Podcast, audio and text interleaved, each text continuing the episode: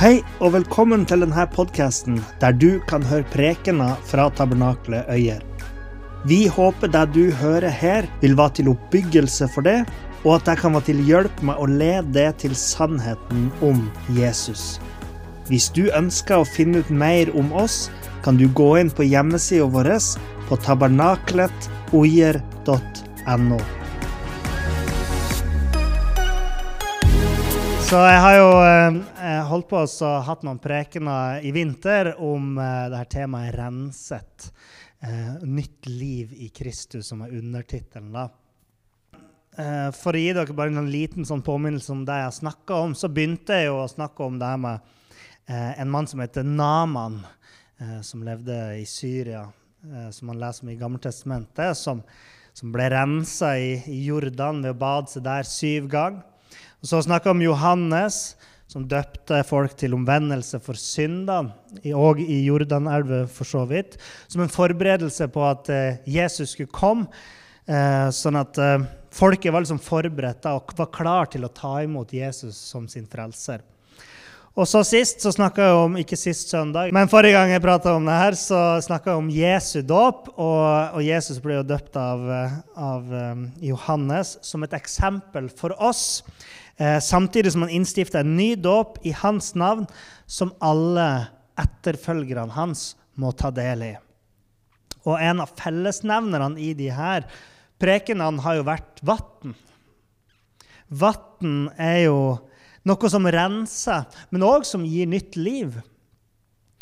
Og når vi tar en dusj eller et bad, eh, som mange sikkert gjør litt mindre nå når strømmen er så dyr, men før i tida, når vi dusja og bada, og sånt, så var det jo ikke bare såpa som rensa kroppen. Men òg sjølve vannet er jo med å fjerne skitt og smuss fra kroppen vår. Men den dåpen som vi kristne tar del i, der er det jo ikke det ytre vannet sin renselse som er det viktige. Eh, men dåpen er et tegn på en indre omvendelse, på syndenes tilgivelse det er tegn på enhet med Kristus i hans døde oppstandelse. Det er tegn på at man har fått et nytt liv i Kristus, og at uh, det har blitt åpna for Åndens virksomhet i vårt liv. Den hellige ånd, Guds ånd, i vårt liv. Så dette er symbolismen ved denne dåpen i det fysiske vannet. Den dåpen symboliserer en dypere virkelighet. sant? Men jeg tror at Bibelen òg snakker om en, eh, en åndelig dåp, som òg er helt nødvendig for vårt liv som troende, eh, som Jesu etterfølgere. Og det er dåpen i Den hellige ånd. Kanskje, altså jeg tenker at kanskje en av de viktigste tingene som har skjedd i verden de siste 100 årene, foruten krig og fordervelse og de tingene der, har vært pinsevekkelsen. Den pinsekarismatiske vekkelse som nå har bredd seg over hele verden, men som starta for litt over 100 år siden. Der man gjenoppdaga og begynte å forkynne igjen viktigheten av å bli døpt med Den hellige ånd. Og Derfor er jeg veldig glad for å kunne snakke om det i dag, siden vi er ei pinsemenighet og vi tror på at Åndens kraft er virksom i dag. Forrige preken så husker dere jo så klart at jeg avslutter med et bibelvers. Ja, bra. Da trenger jeg ikke å gjenta det. Så Men Jesus han sa i Johannes kapittel 7, vers 37-38 Om noen tørster, skal han komme til meg og drikke. Den som tror på meg, ut fra hans indre skal det, som Skriften har sagt, flyte strømmer av levende vann. Så Jeg snakker denne serien om de her dåpene, de her forskjellige typene dåp eh, som eh, har fellesnevnen vann. Og så liksom bygde jeg opp til i dag med å snakke om det levende vann, for det levende vann er Den hellige ånd. Det er ikke en spesiell type vann som man kan tappe fra en spesiell type kilde, eller sånn som tungtvann, som har blitt, eh, blitt en sånn viktig del av norsk historie. da. Men Jesus han taler i bilder om Den hellige ånd. Guds ånd er som rensende og livgivende vann. For i vers 39 i samme kapittel står det dette sa han om ånden de som trodde på ham, skulle få. Ånden var ennå ikke kommet, for Jesus var ennå ikke blitt herliggjort. Så hvis det er snakk om levende vann, som er Den hellige ånd, kan det òg da være snakk om en dåp i det her levende vannet? Ja, det tror jeg. En åndsdåp.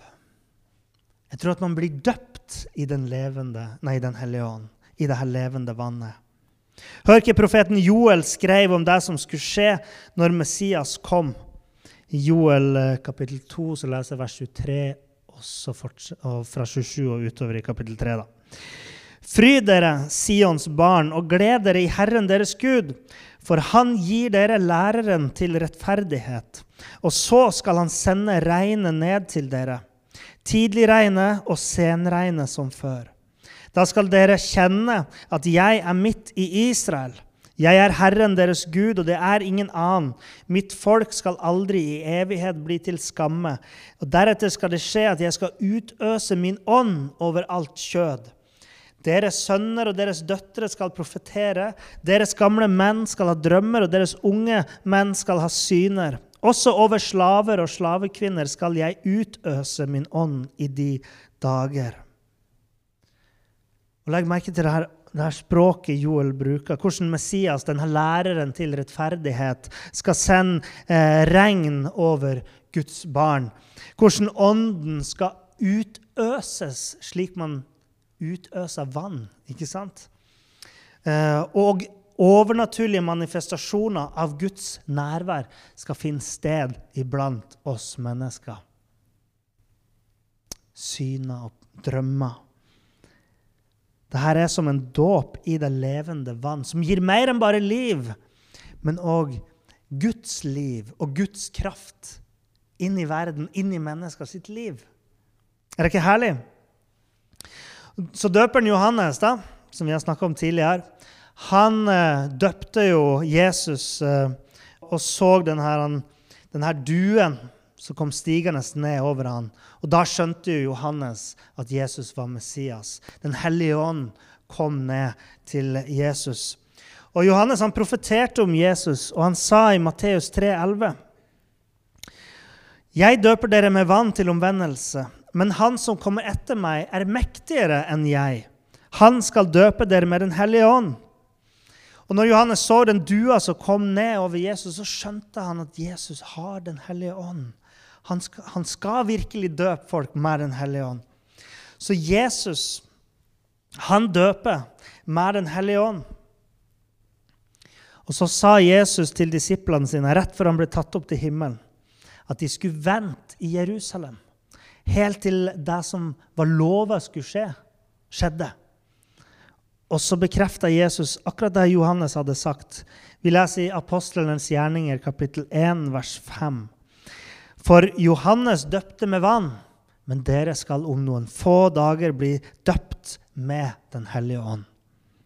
Og i vers 8.: Men dere skal få kraft når Den hellige ånd kommer over dere, og dere skal være vitner om meg i Jerusalem, i hele Judea, i Samaria og helt til jordens ende. Og vet dere hva dette betyr? Dette betyr at hvis du ønsker og var et sånt vitne for Kristus i verden som Gud ønsker at du skal være, og, og som han har kalt deg til, så må du bli døpt i Den hellige ånd. Fylt av Den hellige ånd. Utrusta av Gud til det oppdraget han har for deg. Så la meg ta en liten sånn illustrasjon på hvordan dette vil uh, kunne se ut i livene våre.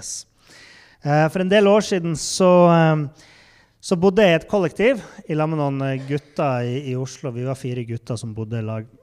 Og dere kan jo sjøl tenke dere til at vi baka ikke så mye. Det var ikke mye konditorgreier der og, og, og bløtkaker og sånne ting når vi er fire gutter som bor i lag. Men, eh, men, så skjedde det jo at vi noen ganger skulle piske en krem, eller noe sånt, og da hadde vi jo bare sånn håndvisp. Og det er jo veldig tungt for utrente folk å, å stå der og vispe til krem. Så en dag jeg skulle lage Jeg skulle faktisk lage en litt fancy eh, dessert til Kjersti. Og eh, jeg skulle lage en fromasj. Og da krevde det at jeg vispa både fløtekrem og eggedosis. Og det er fryktelig mye arbeid. Da blir du svett under armene når du står på kjøkkenet. Så jeg tok meg en tur på Fretex eh, i forkant. Jeg skulle kjøpe noe annet, egentlig, men der kom jeg over en eh, moderne hjulvisp. Har dere hørt om det? Det er nyeste mote. Å, du, så mye lettere det var med hjulvispen! Det var jo litt slitsomt òg, da. Så ble det litt sånn og etter hvert så fikk jeg jo en elektrisk en da, noen år seinere. Og da var det enkelt å lage krem. Og eggedosis. Men uansett, hjulvispen hjalp, den òg. Men litt sånn er det jo med Den hellige ånd. Man kan venne seg til Jesus, og man kan tro på han. Og da er det jo som at du står og pisker krem med en, en håndvisp. sant? Men når du får Den hellige ånd, så er det som at du setter en motor på den der, og det bare går i hundre. ikke sant? Og dette er ikke noe perfekt illustrasjon, akkurat. Det prøver jeg ikke å si. Men jeg bare sier noen ting om at Ånden, Guds ånd, tilfører en ny dimensjon inn i troslivet vårt. Åpner dør inn til gaver, inn til evner og utrustning som vi ikke har tilgang til ellers. For hva var det som skjedde noen dager etter i Jerusalem, der disiplene sto og venta? Ja, de sto kanskje ikke og venta, men de var der og venta. Jo, da står det i Apostelens gjerninger fra kapittel 2 fra vers 4. De ble alle fylt med Den hellige ånd og begynte å tale i andre tunger ettersom ånden ga dem å tale. I Jerusalem bodde det jøder, gudfryktige menn fra hvert folkeslag under himmelen. Da denne lyden hørtes, kom folkemengden sammen og ble forvirret, fordi hver og en hørte dem snakke på sitt eget språk. Da ble de alle forskrekket, undret seg og sa til hverandre.: Se, er ikke alle disse som taler, galileere? Hvordan kan det ha seg at vi hører enhver av oss på vårt eget språk, det som vi ble født inn i? Det var en ny kraft som kom over disiplene. En kraft til å være vitner for Jesus på en måte de ikke greide sjøl. Nå kunne de plutselig snakke i fremmede språk, sånn at folk langt eh, borte fra kunne skjønne hva de sa.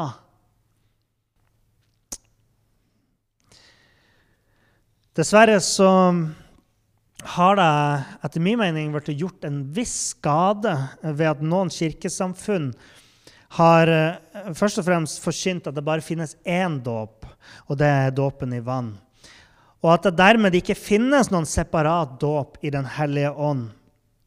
Og det som er synd, er at resultatet i noen kirker har vært at et sånt syn har gått på bekostning av åndens virksomhet. At dåpen har liksom blitt det aller viktigste, og så har man ikke snakka så mye mer om ånden. Man har sagt at nei, men det er innbakt i dåpsritualet, så, så, når de her blir døpt, så, så er de liksom ferdig med det. Og Det finnes karismatiske kristne som tror på Den hellige ånd, og, og liksom, eller åndens fylde og nådegaven og de her tingene, eh, men som ikke kaller det eh, åndsdåp allikevel. Men det er jo liksom greit. Men problemet er de som nedspiller vektigheten av å eh, ha en sånn overnaturlig åndsfylde som er separert fra vanndåpen, ikke sant? Men jeg tror at sjøl noen av de her bibeltekstene som vi allerede har sett på, tyder på at det er en dåp som er separat fra vanndåpen, eh, nemlig denne åndsdåpen. Og, og for eksempel så står det i hebreerbrevet eh, om dåp i flertall, som nok forsvinner litt i de norske oversettelsene. Eh, der står her i kapittel 6, vers 1 og 2. Idet vi nå lar den mer grunnleggende læren om Kristus ligge, skal vi gå videre til det fullkomne og ikke på nytt legge grunnvollen med omvendelse fra døde gjerninger og tro på Gud med lære om dåp. Ende, har jeg skrevet i parentes der.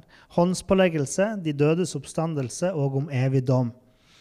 Det står ikke her om omvendelser, håndspåleggelser, oppstandelser og dommer, men det står ett ord i flert, står i flertall her. På engelsk så står det òg 'baptisms', altså dåper.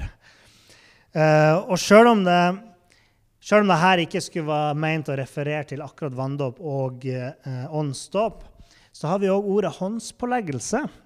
Og der skal vi se nå at håndspåleggelse er òg nært knytta til åndsdåpen. Så jeg skal ikke legge altfor mye vekt på de her to versene, her, altså, men jeg ville bare nevne det, at det er ting i Bibelen som tyder på at det er flere dåper. ja.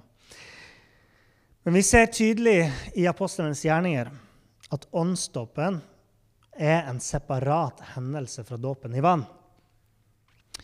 Hvis vi går til apostlenes gjerninger og blar opp i kapittel 8, så står det om evangelisten Philip som hadde reist til Samaria. Og Der står det fra vers 12, apostelens gjerninger 8, 12. Da de trodde Philip, som forkynte det som tilhører Guds rike og Jesu Kristi navn, ble både menn og kvinner døpt.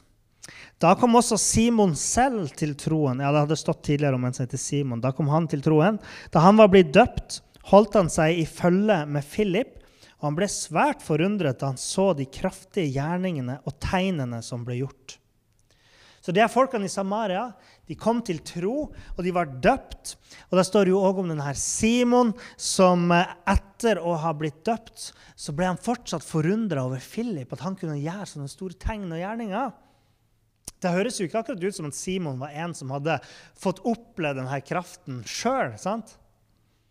Vi leser videre fra vers 14. Da apostlene i Jerusalem hørte at Samaria hadde tatt imot Guds ord, sendte de Peter og Johannes til dem.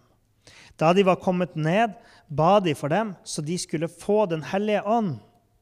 For ennå var han ikke falt på noen av dem. De var bare blitt døpt til Herren Jesu navn. Så la de hendene på dem husker dere håndspåleggelse, så la de hendene på dem, og de fikk Den hellige ånd. Ånden kom over dem. Men de hadde ikke fått Ånden før, for de var bare døpt i Herren Jesu Kristi navn. Og det er ikke bare bare det, altså. Men de hadde ikke fått den der åndsdåpen, åndsfylden. De hadde ikke blitt døpt i ånd, men bare i vann. Og det er ikke det samme. Og så blir åndsdåpen formidla ved apostlene sin håndspåleggelse, ikke sant? Det er jo, eh, her finnes det ikke noe sånn der eh, vannrituale, fordi det er åndelig. Og eh, her er det bare en, en overføring av en åndelig velsignelse, en åndelig realitet der Jesus døper mennesker i Den hellige ånd ved at apostlene legger hendene sine på dem. Det er ikke noe magisk, Akkurat som med dåpen, det er ikke noe magisk med vannet. Og det er heller ikke noe magisk med hendene deres. Men det, det synliggjør en åndelig realitet, ikke sant? Og i kapittel 9 i Apostelens gjerninger så kan vi lese om Paulus og hans omvendelse, og hvordan Ananias kom til den blinde Paulus, som da ble omtalt som Saulus. Og Vi kan lese fra vers 17. Ananias gikk av sted og kom inn i huset. Der la han hendene på ham, der la han hendene på Saul, eller Paulus, og sa, 'Bror Saul, Herren Jesus, som viste seg for deg på veien da du kom, har sendt meg for at du skal få syne igjen og bli fylt med Den hellige ånd.' Og straks var det som om skjell falt fra øynene hans, og han fikk synet tilbake med det samme. Og han sto opp og ble døpt. Her blir han eh, først døpt med Den hellige ånd ved håndspåleggelse fra Ananias, og deretter døpt i vann. Så igjen er det separate hendelser. Det samme skjer når apostelen Peter reiser og besøker romeren Kornelius eh, i Cesarea. Og han kommer dit, og det er mange som er samla i, i Kornelius sitt hus. og Det, det står om de i kapittel 11, vers 44-46, fortsatt i apostlenes gjerninger. 11, 44. Mens Peter ennå talte disse ordene, forkynte evangeliet, falt Den hellige ånd på alle dem som hørte ordet. De troende som var omskårne, alle de som var kommet sammen med Peter, ble forskrekket over at Den hellige ånds gave også var blitt utøst over andre folkeslag. For de hørte dem tale med tunger og opphøye Gud. Så ånden ble utøst over dem. Igjen det her bildet som at ånden er som vann, som utøses over dem. ikke sant? Eh, levende vann. Og deretter fulgte dåpen i vann. Først så ble de fylt med Den hellige ånd, og så ble de døpt i vann. Og Den siste historien vi skal se på i Apostelens gjerninger, står i kapittel 19. Og Paulus han var nå på misjonsreise. og Han hadde kommet til en by som heter Efesos. og Der fant han at det allerede var noen troende, noen disipler. Og Da sier Paulus til de apostlenes gjerninger, kapittel 19, vers 2.: Fikk dere Den hellige ånd da dere kom til troen? Da svarte de, vi har ikke engang hørt at det finnes en hellig ånd. Hva er det du prater om, Paulus? Og Det er jo interessant også at Paulus han, han, spør ikke først om de er døpt i vann, men han spør har dere fått Den hellige ånd. Men nei, sjøl om de var troende, så hadde de nok ikke fått mye undervisning. Og de hadde ikke engang hørt om Ånden. Så de var litt sånn nybegynnere de hadde sikkert plukka med seg litt her og litt der. Funnet ut at vi skal være disipler av han her Jesus-karen. Men så hadde de kanskje Kanskje de var i Israel en tur, Jerusalem en tur, hørte Jesus, ville følge han, så reiste de hjem til Efesus igjen. Hadde de bare med seg Johannes dåpen, da. Så leser vi fra vers 3. Han sa til dem, Hva ble dere da døpt med? Og merk dere det her. Hva ble dere da døpt med hvis dere ikke ble døpt med Den hellige ånd? Det er jo implikasjon når han spør sånn. Han begynner med å spørre fikk dere Den hellige ånd. Så sa de nei, vi har ikke hørt om han. Ja, Men hva har dere blitt døpt med da? vil han vite. Da vil han vite om de er døpt i vann, i det minste. Hvis de ikke hadde fått Den hellige ånd, hva hadde de da blitt døpt med? Og da tenker jeg, for Det er fordi man kan bli døpt med Den hellige ånd. Og vi leser videre. De sa, med Johannes dåp. Da sa Paulus, Johannes døpte med omvendelsens dåp. Han sa til folk at de skulle tro på ham som skulle komme etter ham. Det er på Kristus Jesus.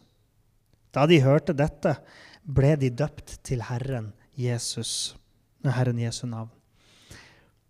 Så de var ikke engang døpt med dåpen til Kristus før Paulus kom dit. Men nå fikk de døpe seg. Nå fikk de døpe seg i vann. Og så i vers 6, neste vers. Da Paulus hadde lagt hendene på dem, kom Den hellige ånd over dem, og de talte i tunger og profeterte. Så her er det først dåp i vann, og deretter håndspåleggelse og åndsdåp. Fortsatt to forskjellige hendelser. Så vi ser at hendelsesforløpet er ikke helt skrevet i stein her. Noen ganger kommer åndsdåpen før dåpen i vann. Andre ganger kommer dåpen i vann før åndsdåpen. Men det er fordi det er to forskjellige ting. To forskjellige hendelser. For min del så opplevde jo jeg det kan du si, i samme rekkefølge som Paulus. Jeg ble opplevd å bli åndsdøpt eh, på en sommerleir som 13-åring. Og Jeg kan ikke huske at det var noe spesielt med akkurat det møtet. Men jeg husker at det var en invitasjon på slutten av møtet der en av de voksne der spurte om noen ønska å bli døpt i Den hellige ånd. Eller å få Den hellige ånd, eller hva de sa. Eh, så kunne de da legge hendene på oss og be for oss hvis vi ønska det, sa de. Og jeg rakk opp handa, ikke sant? For jeg vokste opp i et kristent hjem og har hørt om de her tingene. Så det var noe som jeg ønska. Så en av de voksne kom og ba for meg, og det hele var ganske udramatisk sånn sett. Uh, det her var ikke sånn type møte der uh, predikanten dytter folk i bakken og, og, og, står og roper ut, ikke sant. Uh,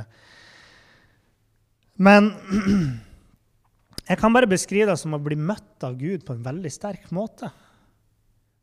Altså I det her enkle liksom, ungdomsmøtet da, så husker jeg at jeg ble helt sånn emosjonelt overvelda. Og jeg kjente det som at det var Guds kraft og hans kjærlighet som bare strømma gjennom meg. Og jeg begynte å, å skrike, da. Eller gråte, som dere sier her nede i sør. Jeg begynte å gråte. Og, og jeg satte meg ansiktet i hendene, og tårene rant. Og jeg gråt i sikkert en times tid.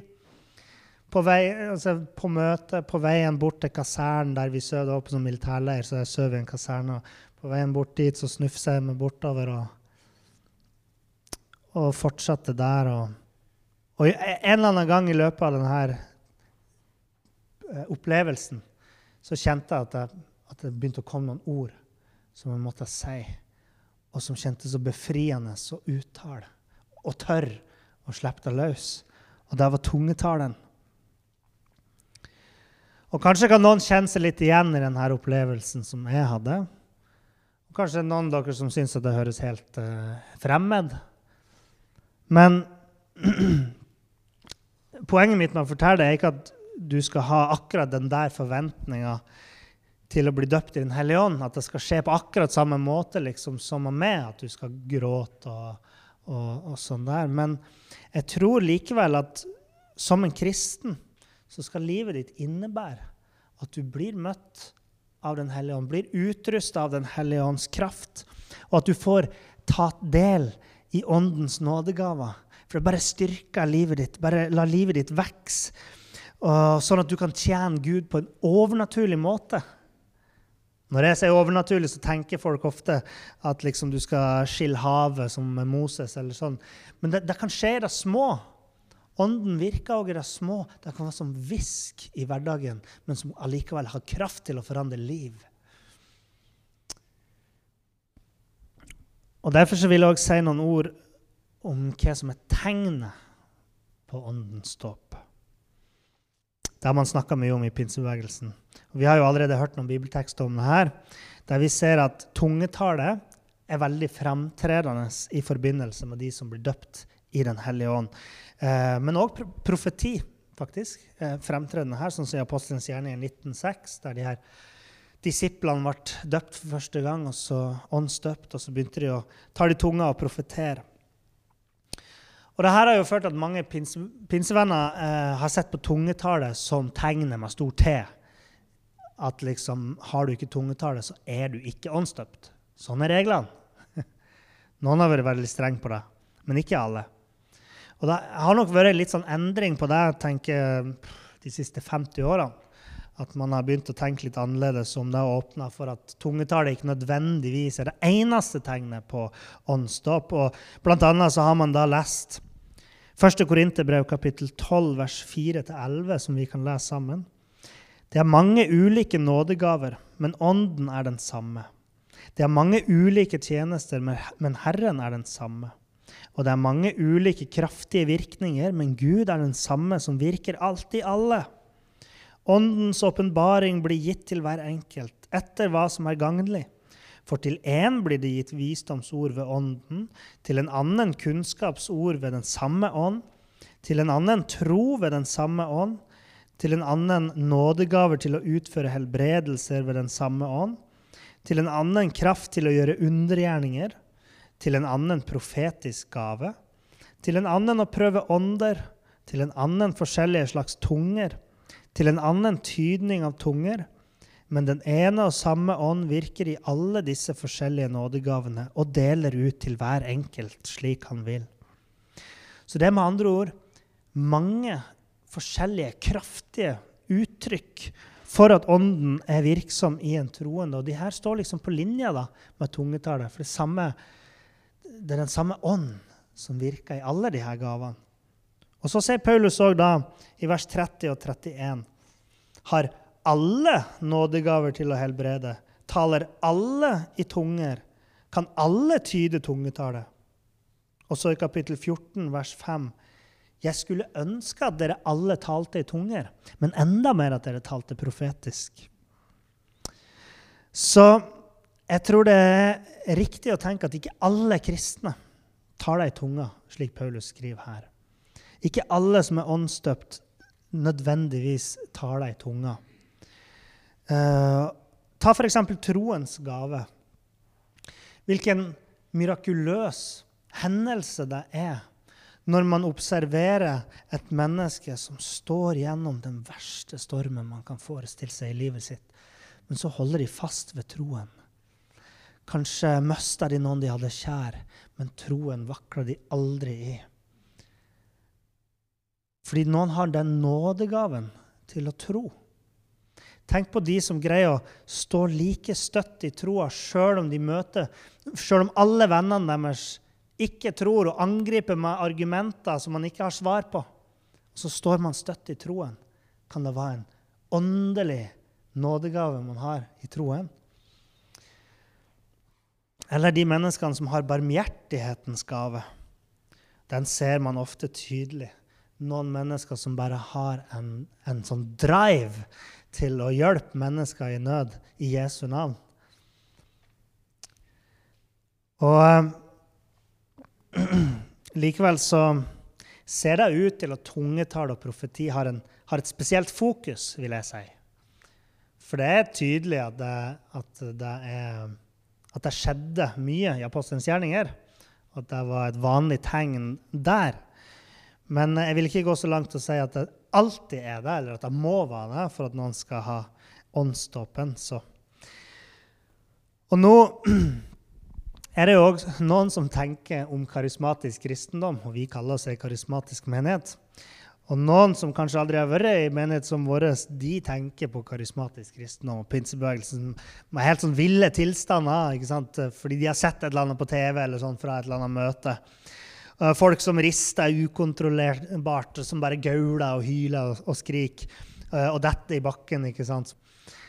Eh, men sannheten er jo at i de fleste tilfeller så går jo ting ganske rolig og sømmelig for seg.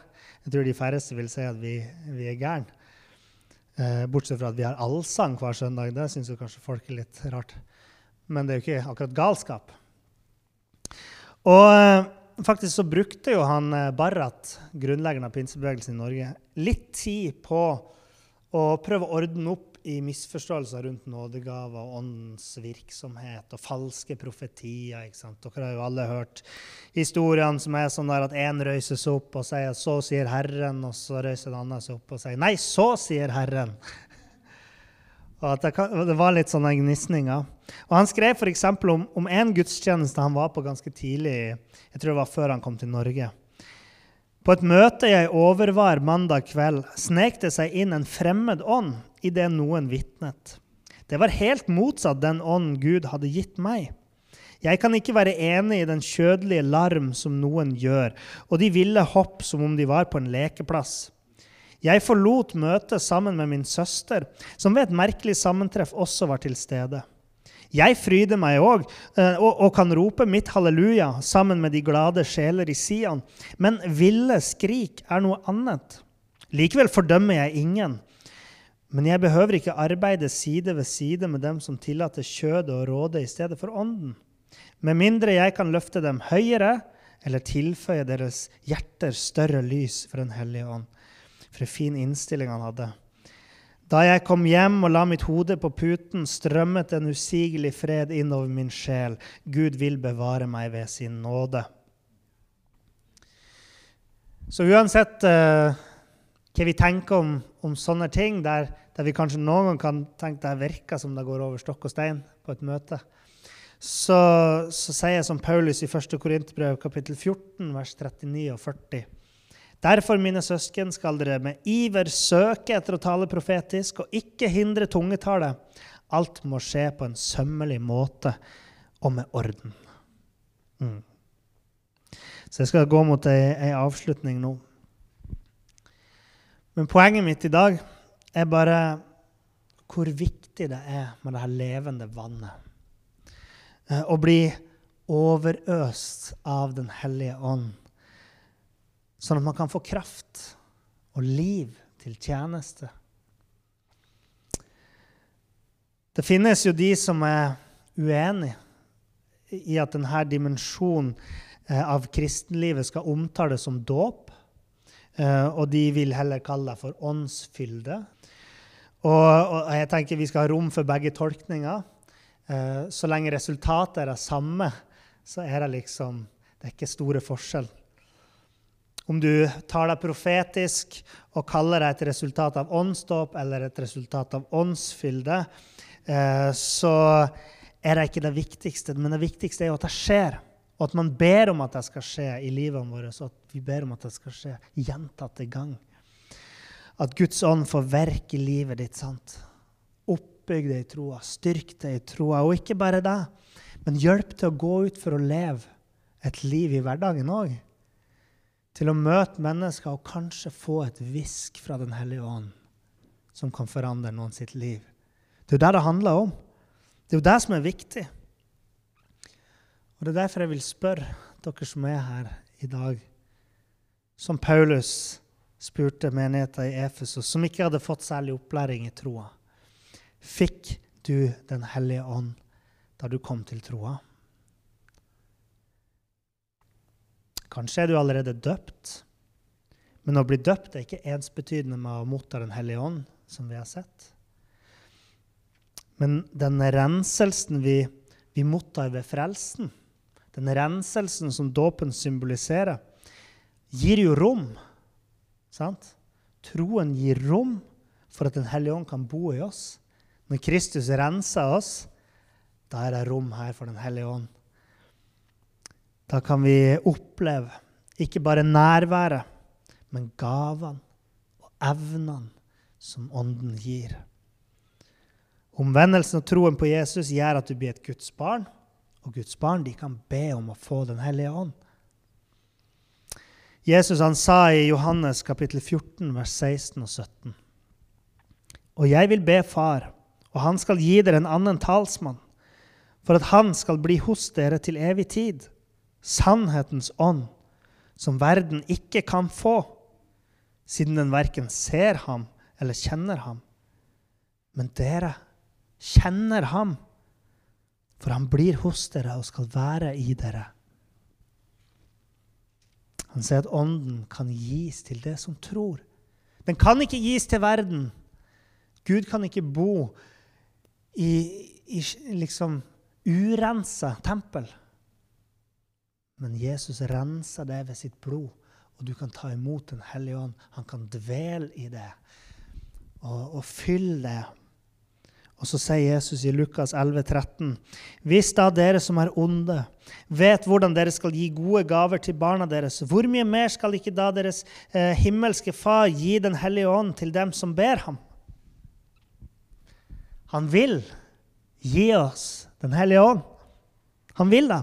Så hvis du ikke har mottatt Den hellige ånd, så, så, ønsker vi eldste å legge hendene på det og be sammen med det uh, om at du skal få oppleve Den hellige ånd. At du skal få, få bli fylt av Ånden og få nådegaver og utrustning for ditt liv. Takk for at du hørte på. Hvis du tok et steg i tro i dag, eller du har noe du ønsker forbønn for, så vil vi gjerne høre ifra det via e-postadressen kontaktalfakrølltabernakletoier.no. Du er òg velkommen til våre ukentlige gudstjenester i menighetslokalet i Haugskutua 5 26 36 Øyer.